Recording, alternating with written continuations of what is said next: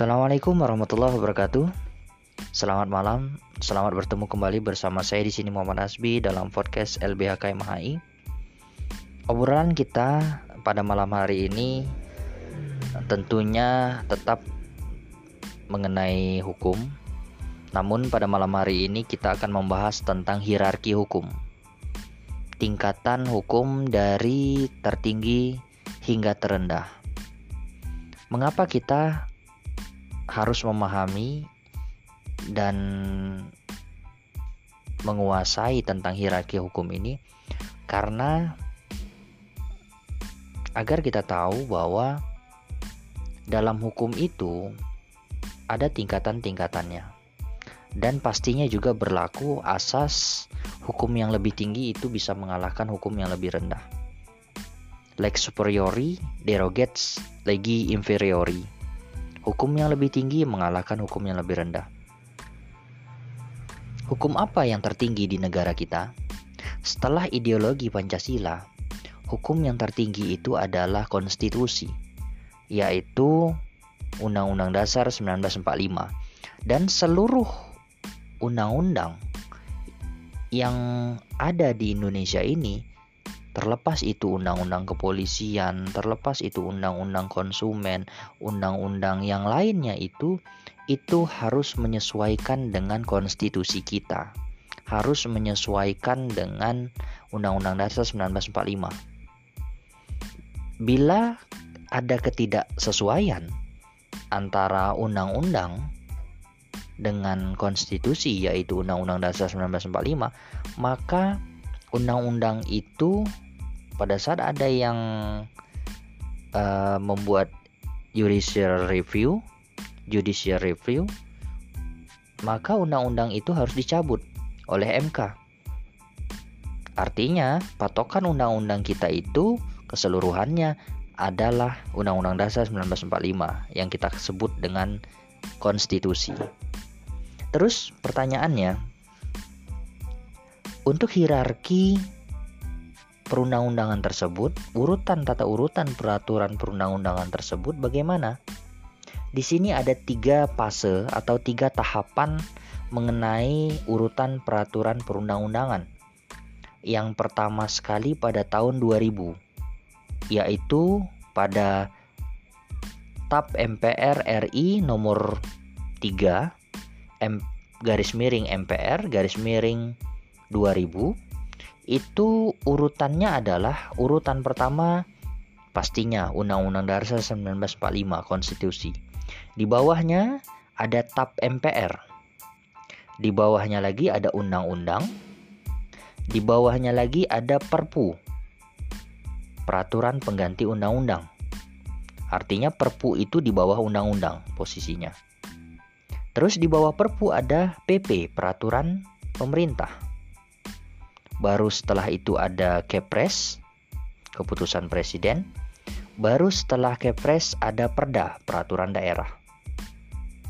Saya ulangi, ada nomor 1 sampai dengan yang terakhir Undang-Undang Dasar 1945, TAP MPR, Undang-Undang, Perpu, PP, Kepres, lalu baru Perda.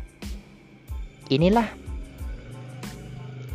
um, hierarki menurut TAP MPR RI nomor 3 garis miring MPR garis miring 2000. Lalu muncullah Undang-Undang nomor 10 tahun 2004 tentang hierarki ini.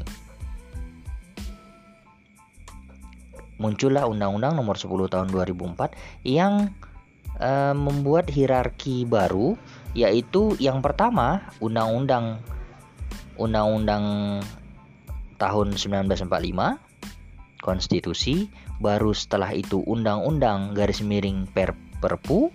Artinya undang-undang dan perpu ini setingkat. Tidak ada yang lebih tinggi tidak ada yang lebih rendah. Undang-undang dan perpu undang-undang dan peraturan pengganti undang-undang ini tingkatannya sama.